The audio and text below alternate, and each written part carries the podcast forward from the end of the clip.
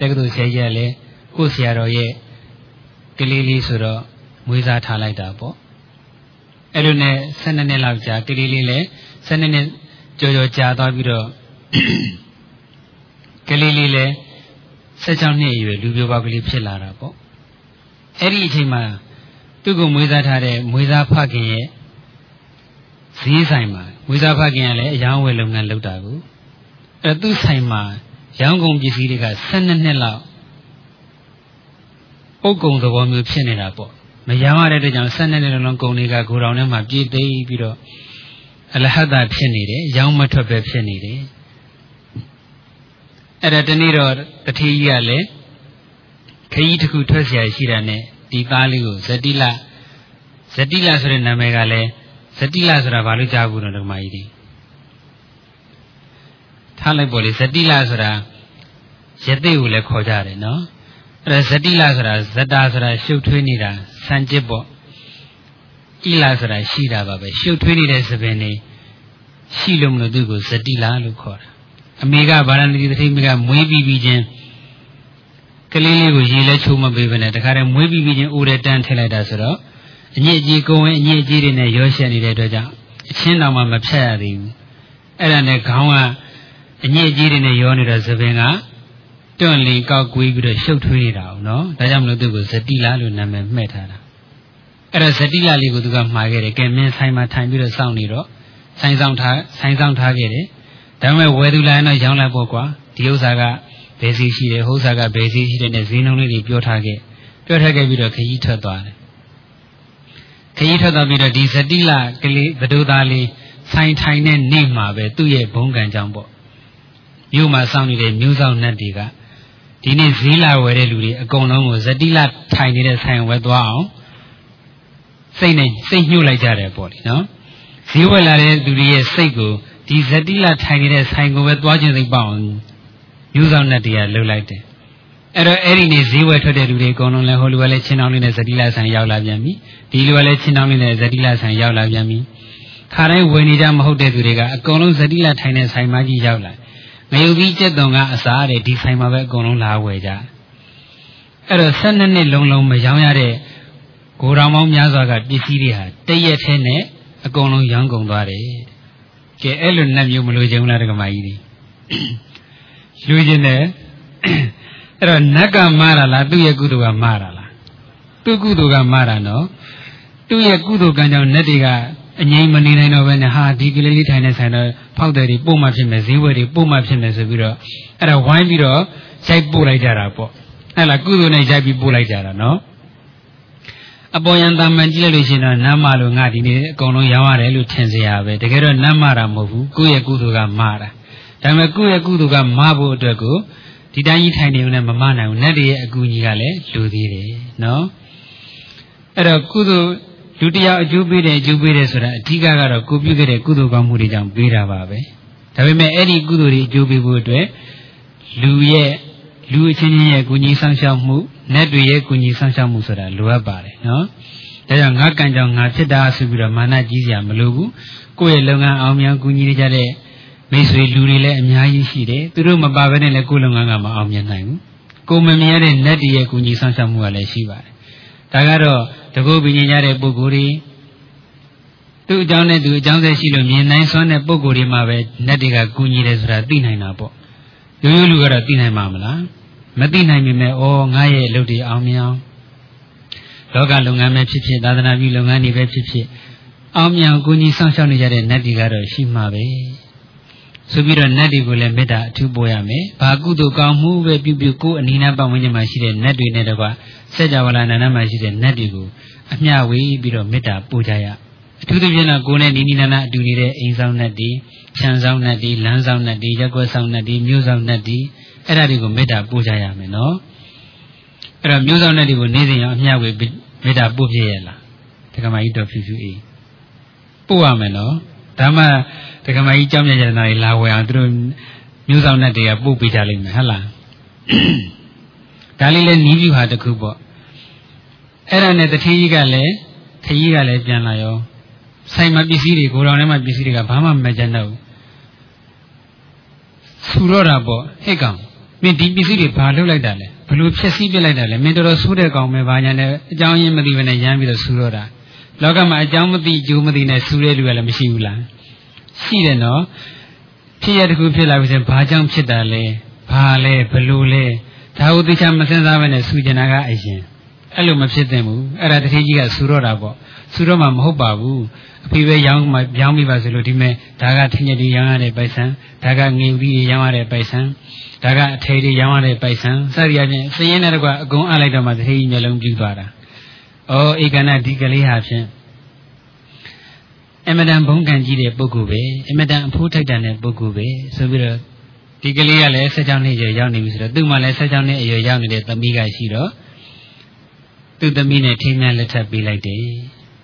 လက်ထပ်ပေးပြီးတော့တအိုးတိန်နဲ့အတူတူမနေပါဘူးဘုံကံပါရမီရှိတဲ့ပုဂ္ဂိုလ်ဆိုတော့တို့နဲ့အတူနေလို့မဖြစ်ဘူးသူတို့တော့တီးတာအိမ်ဆောက်ပြီးမှဖြစ်မယ်ဆိုပြီးတော့ဒါအိမ်ဆောက်ပြီးပါတီးတာ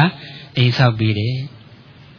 အိမ်တက်မင်္ဂလာလုပ်ဖို့အတွက်အဲ့ဒီအိမ်ချံဝင်းထဲကိုဇတိလာ သတို့သားလေးလည်းဝင်လိုက်ရောခြံဝင်းထဲကိုသူခြေထောက်တစ်ဖက်ချလိုက်တာနဲ့တပြိုင်နက်တည်းအိမ်နောက်ကနေဘာကြီးဖြစ်သွားတော့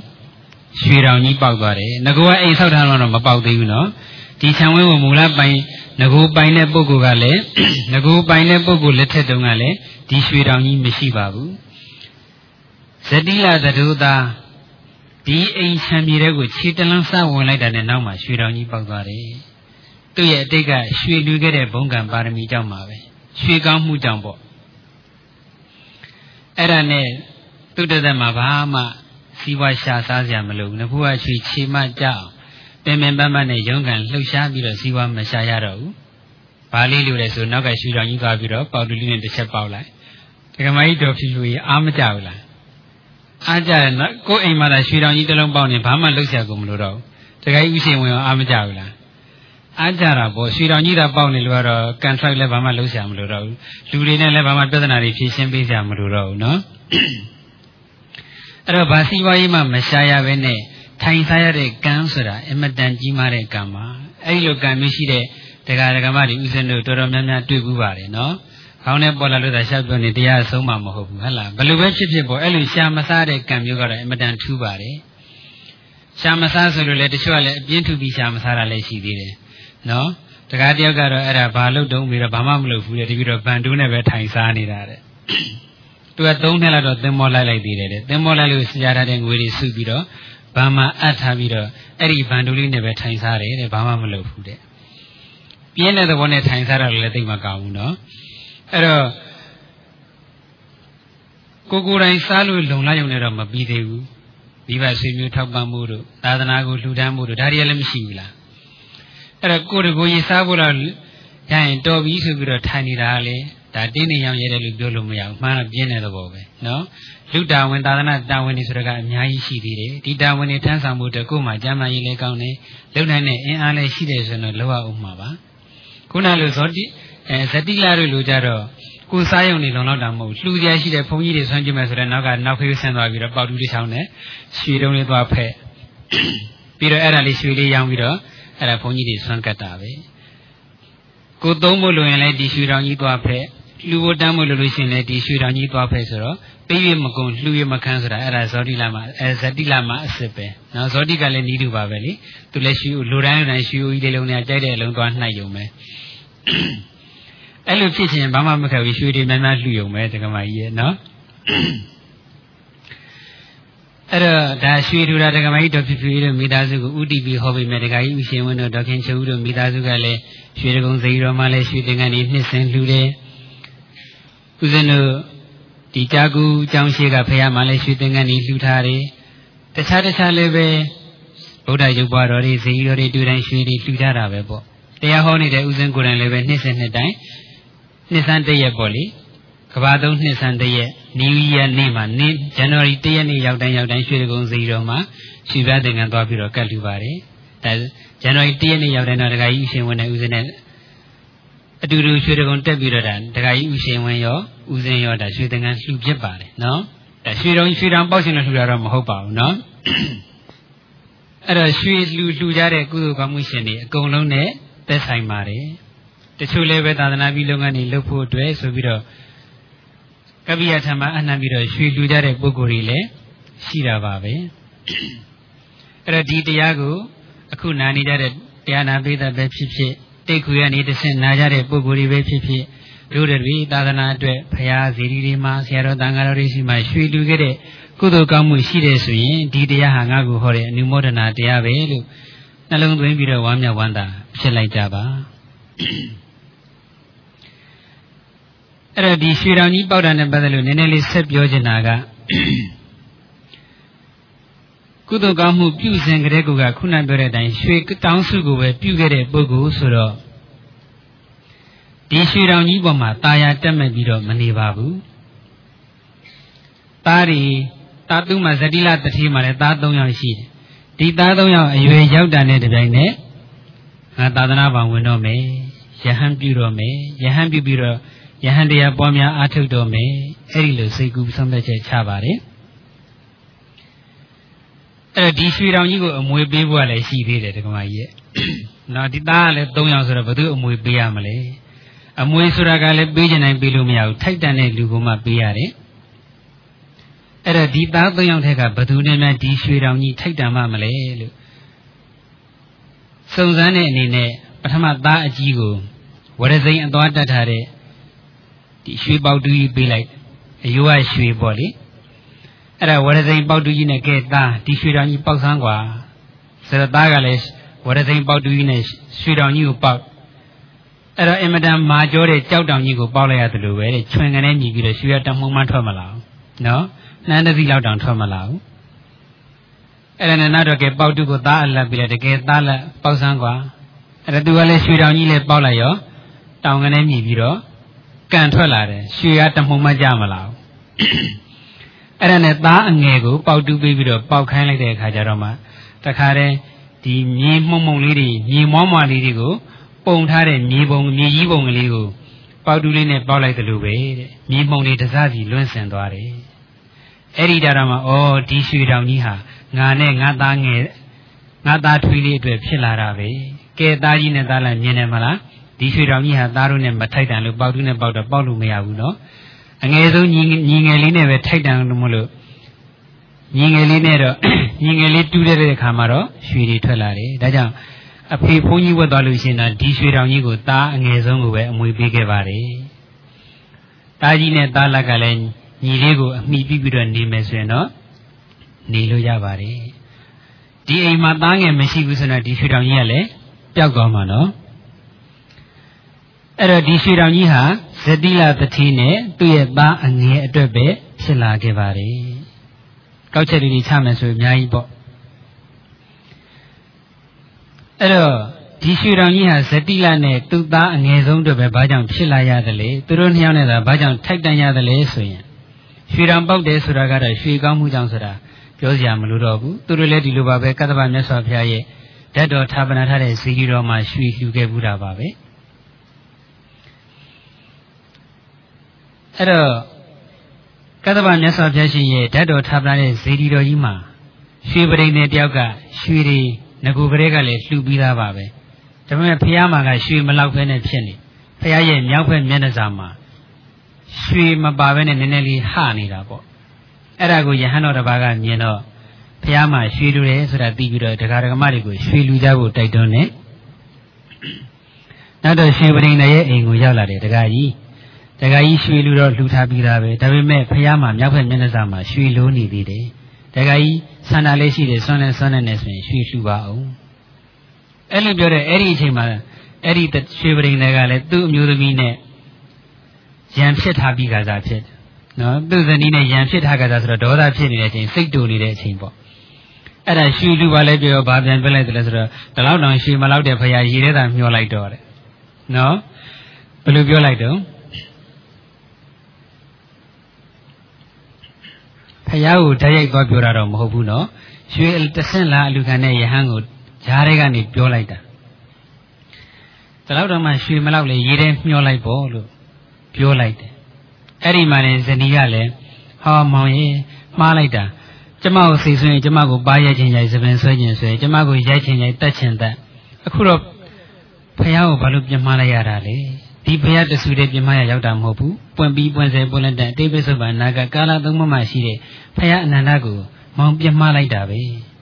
အဲ့လိုပြောလိုက်တော့မှရွှေပရင်လည်းချက်ချင်းတန်ဝေကားတွေရပြီးတော့ဩငါမှားသွားပြီအရှင်ဘုရားတပည့်တော်ကိုခွင့်လွှတ်တော်မူပါဖေဟာဟဲ့တကကြီးသင်ကငါ့ကိုပြမှားတာမှမဟုတ်တာဖះကိုပြမှားတာဖះသွားတောင်းပန်မှရမှာပေါ့ငါလာတောင်းပန်လို့ဘာထူးမှလဲဒါဆိုတပည့်တော်ဘလို့တောင်းပန်ရမလဲဖះဆိုတော့မှအဲ့ဒီမှာ ရွှေပန်းပွင့်နေအပြည့်စိုက်ထားတဲ့ရွှေပန်းအိုး၃အိုး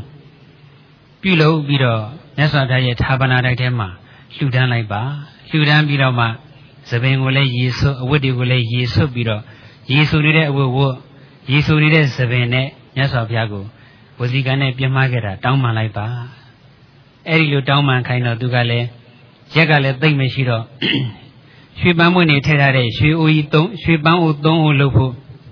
အချိန်ကသိမ့်မလောက်ဘူးသူတယောက်တည်းလုပ်ဖို့အချိန်ကမလောက်ဘူးဒါနဲ့သူ့မှာလည်းသားက၃ယောက်ရှိတော့တာကြီးကြီးအဖေကုသိုလ်တဲ့ဝင်ပါပါအောင်သားလိုက်ကြီးဝင်ပါပါအောင်သားငယ်ကြီးဝင်ပါပါအောင်သား၃ယောက်ကိုဒီရွှေပန်းမွေးရွှေပန်းအိုးလုပ်တဲ့ကိစ္စမှာကုညီခိုင်းတယ်အဖေတော့ဖះကိုပြမမိပြီဒီပြစ်တွေတောင်းမှမဟုတ်တဲ့ဒီလိုဒီလိုလုပ်ရမယ်ကုညီကြပါဦးလို့ဆိုတော့တာကြီးကတာကြီးနဲ့သားလက်ကဘာပြောလဲဆိုတော့အဖေဘာသာအဖေဖះပြမပြီးတော့တောင်းပန်တာသားတို့နဲ့ဘာမှမဆိုင်ဘူးတဲ့ ကိုပြမတဲ့ကိစ္စကိုယ့်ကိုယ်လို့ကိုတောင်းဝင်ကိုရှင်းဆိုပြီးတော့သူကဝမ်းမပါဘူးနော်အဲ့ဒါသားငယ်လေးကတော့ဩအဖေလောက်ကကိုလို့သားလို့ပဲပေါ့အဖေကိစ္စသားကိစ္စပဲပေါ့အဖေတောင်းဝင်သားတောင်းဝင်ပဲပေါ့ဆိုပြီးတော့သားငယ်လေးကတော့ရွှေပန်းပွင့်နေတဲ့ရွှေပန်းအိုးလုပ်တဲ့ကိစ္စမှာဝေယဝိဆဝင်ပြီးတော့ကူညီပါတယ်ဒါလို့ဆိုရင်တော့သဘောပေါက်ပါပြီနော်ရွှေပန်းမွင့်နေပြည့်ထည့်ထားတဲ့ရွှေပန်းအိုးသုံးအိုးမြတ်စွာဘုရားကိုပူဇော်ခဲ့တဲ့ကောင်းမှုကြောင့် ဖြစ်လျာဘွားမှာလည်းရွှေတွေပေါ်ခဲ့ပါတယ်နောက်ဆုံးဘွားမှာလည်းအိမ်နောက်မှာရွှေတောင်ကြီးပေါက်ပြီးတော့ပေးရမကုန်လှူရမခံဖြစ်ခဲ့ပါတယ်။တာအကြီးမြောက်ကအဖေကုသိုလ်ကောင်းမှုပြုစင်မှာဝေယဝိဆကုသိုလ်မယူခဲ့တဲ့အတွက်ကြောင့်ဒီရွှေတောင်ကြီးဟာသူတို့နဲ့မထိုက်တန်ခဲ့ဘူး။တာငယ်လေးကတော့ဝေယဝိဆကုသိုလ်ဝင်ယူခဲ့တဲ့အတွက်ကြောင့်ရွှေတောင်ကြီးနဲ့ထိုက်တန်ခဲ့ပါတယ်။ဒီပြန်မှာကောက်ချက်ချလိုက်ပေါ့ဝေယဝိဆကုသိုလ်ဆိုတာကလည်းအလကားမဟုတ်ဘူးလို့နော်။ဝေယဝိဆကုသိုလ်ဆိုလောအားကုသိုလ်လေးတွေရတာမဟုတ်ဘူး။ သူ့အဖေကရွှေကိုအကုန်ကြခံပြီးလှူတာကတော့သူ့အဖေကပဲလှူတာနော်။သူ့ပစံတရားမှမပေါအောင်။ဒါပေမဲ့ဒီရွှေပန်းပွင့်နေရွှေအိုးတွေလုပ်တဲ့ကိစ္စမှာဝေယဝိဆကုသိုလ်ဝင်ယူခဲ့တဲ့တရားဒီရွှေတောင်ကြီးကလည်းသူနဲ့ထိုက်တန်လာခဲ့ရတယ်။တနည်းပြောရင်ဒီရွှေတောင်ကြီးလည်းသူရခဲ့တယ်ပေါ့။ဒါကြောင့်ဝေယဝဆလုပ်တဲ့ဆိုတာစိတ်ထားတတ်မှဆိုရင်အလှူရှင်နဲ့ထပ်တူထပ်မျှသို့မဟုတ်အလှူရှင်ထက်မကပို့ပြီးတော့ရရှိပါတယ်။နောက်တချို့ပုဂ္ဂိုလ်တွေ ဒါဟိုပါယတိမင်းကြီးတို့ဥဒရလူလင်တို့ဆိုဒီတိုင်းပေါ့ပါယတိမင်းကြီးကနေ့စဉ်နန်းတော်မှာသိနေချီပြီးတော့အကုန်ကြခံပြီးဆွမ်းကြွေးတယ်။ဒါပေမဲ့သူကိုယ်တိုင်တစ်ခါမှဆွမ်းမကပ်ဘူး။သူများနဲ့ပဲဝေယဝဆတမတယောက်နဲ့ဥဒရဆိုတဲ့ဒကာလေးနဲ့လွှဲထားတယ်။အဲ့ဒါသိသွားတော့ဟိုမှာပါယတိမင်းကြီးကသတုမာရီနတ်ပြည်မှာပဲဖြစ်တယ်။ဟိုကတာဝရိန္ဒနတ်ပြည်မှာဖြစ်တယ်ဝေယဝဇ္ဇသမပတ်စံတရားမှမကုန်မဲနဲ့ဟိုတနေ့တနေ့သိမ့်ချပြီးကုန်တဲ့လူထက်တောင်အဆင့်မြင့်တဲ့နတ်ပြည်မှာသွားဖြစ်တယ်နော် ဒါကြောင့်ဝေယဝဇ္ဇကုသိုလ်ကိုပေါ့ပေါ့တန်တန်မတွက်လိုက်ပါနဲ့အမတန်အကျိုးကြီးပါတယ်အဲ့တော့မွေးမွေးချင်းရည်တဲ့မျောခံရတာတော့ခုနဝစီကံနဲ့ရှည်မလောက်တဲ့ဖရာရည်တဲ့တာမျောပြလိုက်လို့ပြောလိုက်တဲ့ဝစီကံကြောင့်မှာပဲနော်ခုနဘဝတိုင်တိုင်ရေမျောခံရတယ်တဲ့မွေးပြီးပြီးချင်းတခြားဘဝတွေမှာလည်းရေနဲ့ပတ်သက်လို့ဒုက္ခတွေတွေ့ရတာပေါ့အဲ့ဒီမှာလည်းကောက်ချက်ချကြည့်ဦးနော်ကိုလှုပ်ချင်လှုပ်ပြီးတော့တောင်းမှန်လိုက်တောင်းမှန်နိုင်ကြည်သလားမကြည်ဘူးနော်အခုဇတိလတထေလောင်ကတော့ ကြီးကြီးကျယ်ကျယ်ထွတ်ထွတ်မြတ်မြတ်ပူဇော်ပြီးတော့မှတောင်းမှန်တဲ့အတွက်ကြောင့်အပြစ်ကတက်တော့တက်တာသွားတယ်လုံးဝတော့မပြောက်ဘူးနော်ခုနဘဝတည်းနဲ့ရေမျောခံရတို့ရေနဲ့ပတ်သက်တဲ့ရေဘေးတွေကြုံတွေ့ရတာတို့တော့တန်ရာမှာကြုံရတယ်ဒါပေမဲ့သိပြီးတော့ဘဝကြာကြာမဖြစ်ခဲ့ဘူးတကယ်လို့သာရွှေပေါင်းအသုံးမလှူဒန်းပြီးတော့ပူဇော်တာမျိုးမလုပ်ခဲ့ဘူးဆိုရင်တော့ဘဝပေါင်းရာကနန်းထောင်ကနန်းတောင်ကနန်းသိကနန်းချီပြီးတော့ကိုရေဘေးဒုက္ခတွေကြုံရမှာ ဒါကြောင့်ကောက်ချက်ချမှာကတောင်းပန်နေတောင်းပန်နေဆိုတော့ရှင်ပြားတို့အဲဖရာတရားတန်ခါပေါ့လေဘုန်းကြီးပဲထားပါတော့ရှင်ပြားပေါ်တပြီးတော့ပြင်မတာရှိခွန်းလက်ပါဆိုလက်ကလေးချီပြီးတမ်းမှန်ရုံနဲ့ရရလားကဲမရဘူးဆိုတော့လည်းကောက်ချက်ချခဲ့အောင်နော်ဘုန်းကြီးမှမဟုတ်ဘူးပေါ့မိဘမိဘတို့ဦးကြီးဦးလေးတော်ကြီးတော်လေးစားတဲ့လေးစားတဲ့လေးစားထိုက်တဲ့ပုဂ္ဂိုလ်တွေကိုကာယကံဝစီကံမနောကံနဲ့ပြင်းမှားပြီးပြီဆိုရင်ရှင်ဖျားအဖေတို့အမေတို့ဆရာကျွန်တော်ဒီလိုပြောမှဆိုမှရှိတာဒီကာယကံနဲ့ပြင်းမှားမိတာဒီရှိရင် ခွန့်လွတ်ပါလို့လက်ဥလေးချီပြီးတော့ဥဒုံရိတ်ချတောင်းမှယုံနဲ့မကြည့်ဘူးဆိုတော့လည်းကောက်ချက်ချရမယ်ထိုက်ထိုက်တန်တန်လှူဒန်းပူဇော်ပြီးမှတောင်းမှမှသာအပြစ်ကြည်တယ်ကြည်တယ်ဆိုတော့လုံးဝကြီးပြောက်သွားတာတော့မဟုတ်ဘူးเนาะဒါကြောင့်ဇတိလတတိအလောင်းဟာ ကုသိုလ်ကောင်းမှုပြုပုံပြုနည်းတောင်းမှမုံတောင်းမှနည်းကိုစနစ်တကျညွှန်ကြားပြသနိုင်တဲ့ဆရာကောင်းသမားကောင်းယဟန်တော်နဲ့တွေ့သွားလို့သာအပြစ်တွေအများကြီးသက်သာသွားခဲ့တယ်။ ဒါကြောင့်တောင်းမှမုံတောင်းမှနည်းလေးဒီနာမှာဘုသူတ္တဖြစ်နေမှတ်သားခဲ့ရမယ်။ကဲဒါလို့ဆိုရင်ရွှေကောင်းမှုနဲ့ပတ်သက်တဲ့ရွှေတောင်းစုတရားကတော့ပြည့်စုံပြီပေါ့နော်။ဒါကြောင့်ရွှေကောင်းမှုပြုကြတဲ့တရားဓမ္မများကရွှေတောင်းစုပဲတောင်းကြပါ။ရွှေတောင်းစုဆိုတာရွှေနိဗ္ဗာန်ကိုတောင်းရမှာပေါ့။နော်နိဗ္ဗာန်ကတော့တူတဲ့ထွတ်မြတ်တာမရှိတော့ဘူး။ဒါကြောင့်မလို့ဤကဲ့သို့ရွှေသင်္ကန်းလှူရတဲ့ကုသိုလ်ကောင်းမှုတွေရွှေတကုံစီကြီးတို့ဘာလို့မှလည်းရွှေရွှေပြသင်္ကန်းတို့ဘာလို့လှူပူးကြမှာပါပဲအဲ့တော့ဒီနေ့ဒီချိန်នេះလှူခဲ့ဘူးဒီမှာရွှေကောင်းမှုအလုံးဟာ နေရွှေနိဗ္ဗာန်ကိုရဖို့တပည့်ဖြစ်ပါစေလို့တောင်းစုပြုလိုက်မယ်ဆိုရင်အဲ့ဒီတောင်းစုဟာရွှေတောင်းစုဖြစ်သွားတာပါပဲအလှူရှင်ကလည်းရွှေအလှူရှင်တွေဖြစ်သွားတာပေါ့နော်အဲ့တော့တတိယလို့ပြောလိုက်ရင်ရွှေလှူမှသာရွှေရွှေအကျိုးရတာတော့မဟုတ်ပါဘူးဦးဇင်းတို့ဘုရားလက်ထက်ကမထဂုံတလီဆိုတဲ့သူတို့သားလေးတယောက်ရှိတယ်မွေးကလေးကတပြားတစ်ချက်မှမလှူဘူးသူ့ဖေကနှမျောလုံးလို့အဲ့ဒါအဖေနှမျောလို့ပဲသူလည်းသိရတာပါပဲနော် သူယောဂတခုဖြစ်တော့အဖေကစီးကူလို့ရှင်စီးဘိုးဘကဂုံကြမှာဆိုလို့ဆိုပြီးတော့ကိုသားကိုစီးမကူဘယ်လောက်နှမျောလုံးဆိုတာအဲ့ဒါသူကနှမျောလုံးလို့ဘယ်သူမှလည်းဘာမှမလှူအဖေကလည်းအဲ့ဒါသားလေးကယောဂဖြစ်တော့အိမ်မော်တောင်းမထားဘူးအိမ်မော်ထားရင်ဧည့်သည်လာအိမ်ထဲကပစ္စည်းယူသွားမှဆိုလို့တဲ့အဲ့ဒါကလေးကသေးတာမသေးသေးပဲအိမ်ရှိကလေးမထုတ်ထားတယ်တခါတည်းနော်မသေးခင်ကအလောင်းဖြစ်နေတာဒါမဲ့ဒီလိုအိမ်သူနှမျောတာအဖေနှမျောတာကသားတော်တော်ကံကောင်းသွားတယ်ဘလို့ကံကောင်းသွားလဲဆိုတော့ အိမ်ထဲမှာမထားဘဲနဲ့အိမ်အပြင်ထုတ်ထားတဲ့မြတ်စွာဘုရားကလည်းဒီသူတို့သားတော်ငါကုသိုလ်ကောင်းမှုဖြစ်အောင်ပြုလုပ်ပေးမှာပဲဆိုပြီးတော့အိမ်ရှိရက်အိမ်ရှိရက်ပြီးတော့ရောင်ကြီးတော်တွေဆွတ်လိုက်တော့ပက်လက်လှန်ပြီးအိတ်နေတဲ့မထကုန်းလေးကလေးလေးကအိမ်ချံဝင်းဝဘက်ကိုခေါင်းလေးစောင်းပြီးတော့ကြည့်လိုက်ကြည့်လိုက်တော့မြတ်စွာဘုရားရှင်ရွှေဆင်းလို့ဝါဝင်းနေတဲ့အတက်တရီတော်ကိုလည်းဖူးရရောကြည်ညိုတဲ့စိတ်ကလေးတွေဖြစ်သွားတယ်ဘာမှတော့မလှူလိုက်ရဘူးနော်ဘုရားရဲ့ဂုဏ်တော်လည်းဘာမှထူထူထူထူမသိပါဘူးဒါပေမဲ့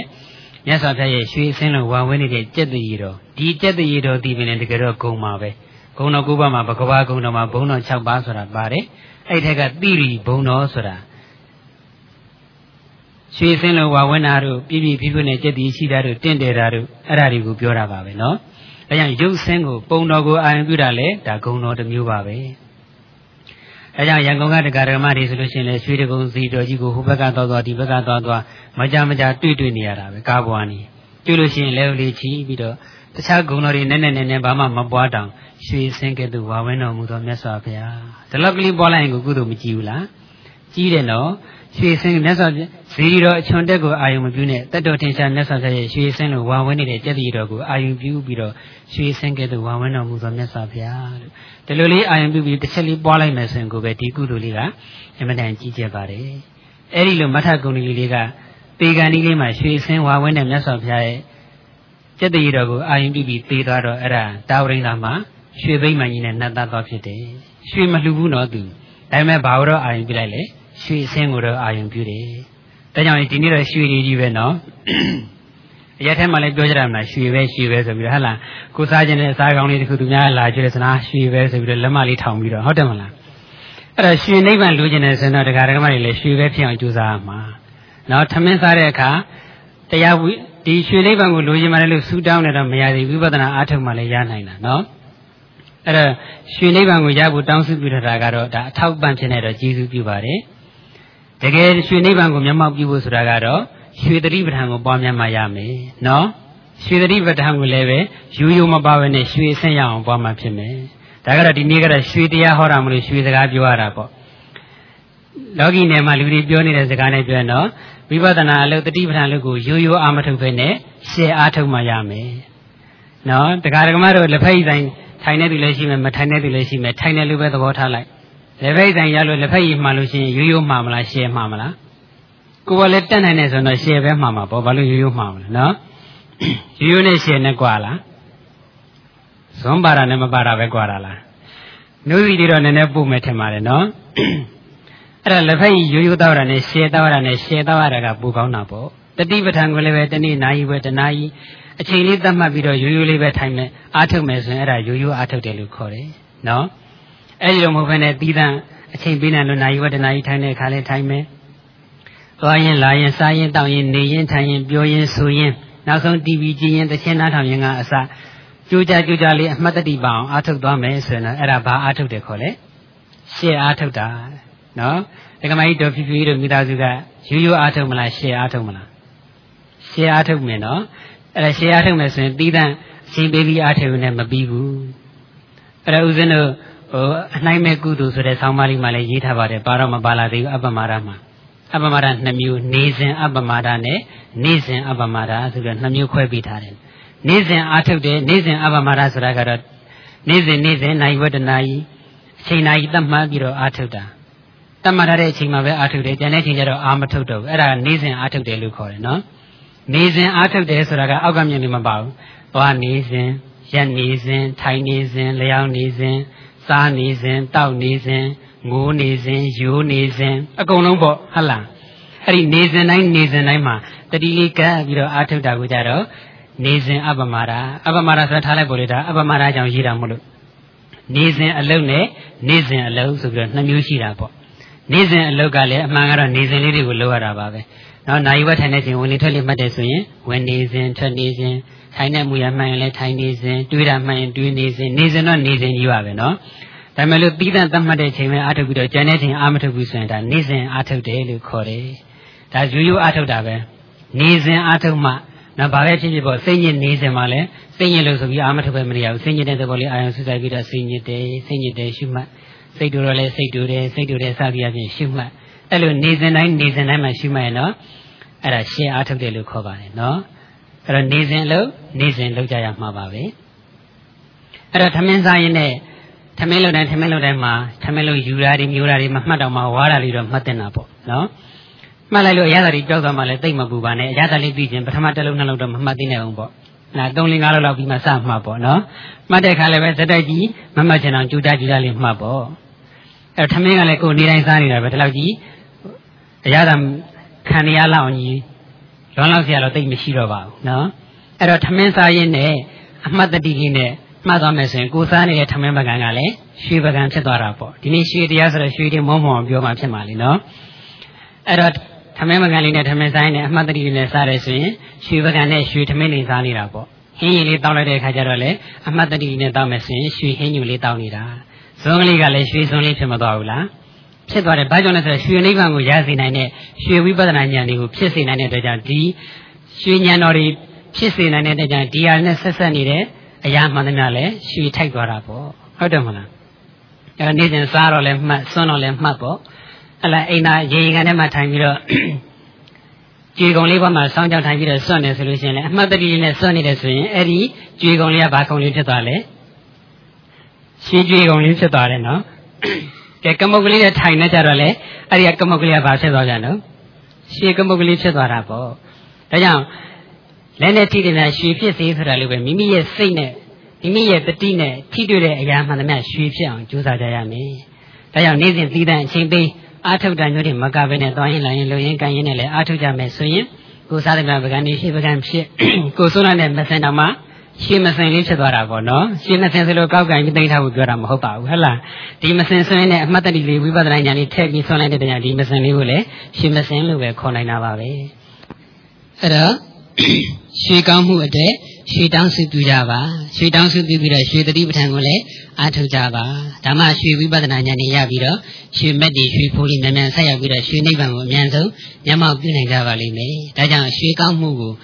ရွှေတောင်းစုလေးနဲ့ပြုကြတဲ့ဒီကနေ့ရွှေလူရှင်များအားလုံးရွှေတတိပဋ္ဌာန်တရားကိုအချိန်တိုင်းအချိန်တိုင်းပွားများအားထုတ်ကြတဲ့အတွက်ကြောင့်ရွှေဝိပဿနာဉာဏ်နဲ့မြန်မြန်ကြီးတိုးတက်ပြီးတော့ရွှေမက်တီရွှေဖိုတွေဆက်ရောက်လို့ရွှေနိဗ္ဗာန်ကိုအမြန်ဆုံးမျက်မှောက်ပြုနိုင်ကြပါစေလို့ရွှေဆူတောင်းလေးတောင်းပေးရင်လည်းရွှေတရားကိုရွှေနေကုန်ချုပ်လိုက်ပါတယ်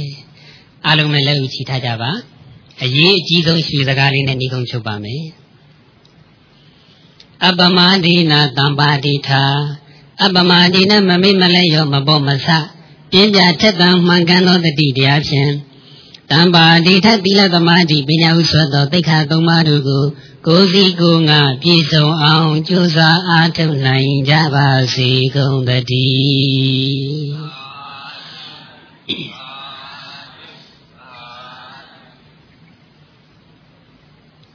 အဲ့ဒါဒီနေ့တရားနာပိဋကတွေထဲမှာအလုံးဒီပါပဲပေါ့လေ ဒကမိုင်းတော်ပြပြတို့မိသားစုတော်မကဒကာယူရှင်ဝင်ဒကမိုင်းတော်ခင်စုတို့မိသားစုတွေတခြားကြလာကြတဲ့ဒကာရမတွေအားလုံးမိမိတို့ဘဝခီးတစ်လျှောက်မှာလူတန်းခဲ့ပြီးတဲ့ရွှေလူတွေအာယုံပြုပြီးတော့အဲ့ဒီကုသိုလ်တွေပါတခါတည်းရောပြီးဆက်ချကြရမယ်။ဘုရားမရွှေသင်္ကန်းကပ်ဖူတာကအစပေါ့။အိမ်မှာရှိတဲ့ဗုဒ္ဓယောဂတော်တွေကိုရွှေသင်္ကန်းရွှေဆိုင်လေးနဲ့ရွှေသင်္ကန်းကပ်တဲ့ကုသိုလ်လေးကအစပေါ့။အဲ့ဒီလိုရွှေလူတွေကိုပြုကိုလှူခဲ့တဲ့ရွှေလူတွေအာယုံပြုပြီးတော့ရေစက်ချအမျှဝေကြရအောင်။ ဣဒံမေပုံညာနိဗ္ဗာနတပစ္စယောဟောတုမေဖျားတပိတော်ဤဣဒံပုံညာဖျားမှုရှိသောတန်ဃာတော်အရှင်မြတ်တို့အားသင်္ကန်းအစရှိသောလူပွဲဝတ္ထုအဆစုတို့ဖြင့်လူတန်းရသော ဒါနကုသိုလ်ဖျားမှုရှိသောတန်ဃာတော်အရှင်မြတ်တို့အားဆွမ်းအစာရှိသောလူဝဲဝတ္ထုအဆူဆူတို့ဖြင့်လူတန်းရသောဒါနကုသိုလ်မြတ်စွာဘုရားရှင်ဤတရားတော်ကိုပူဇော်သောအဖြစ်ခြေပါရမီဓမ္မစာပေပြန်ပွားရေးအတွေ့ တသိန်းသောနဝကမ္မဝိတုနေမြမှဖြစ်ပေါ်လက်တန်သောအဆက်ရာပစ္စည်းလေးပါးတို့ကိုကပိယထံ၌အနှံ၍လူတန်းရသောဓမ္မဒါနကုသိုလ်အထူးအားဖြင့်ညာစိန်ကြောင့်အတုလမြတ်သိ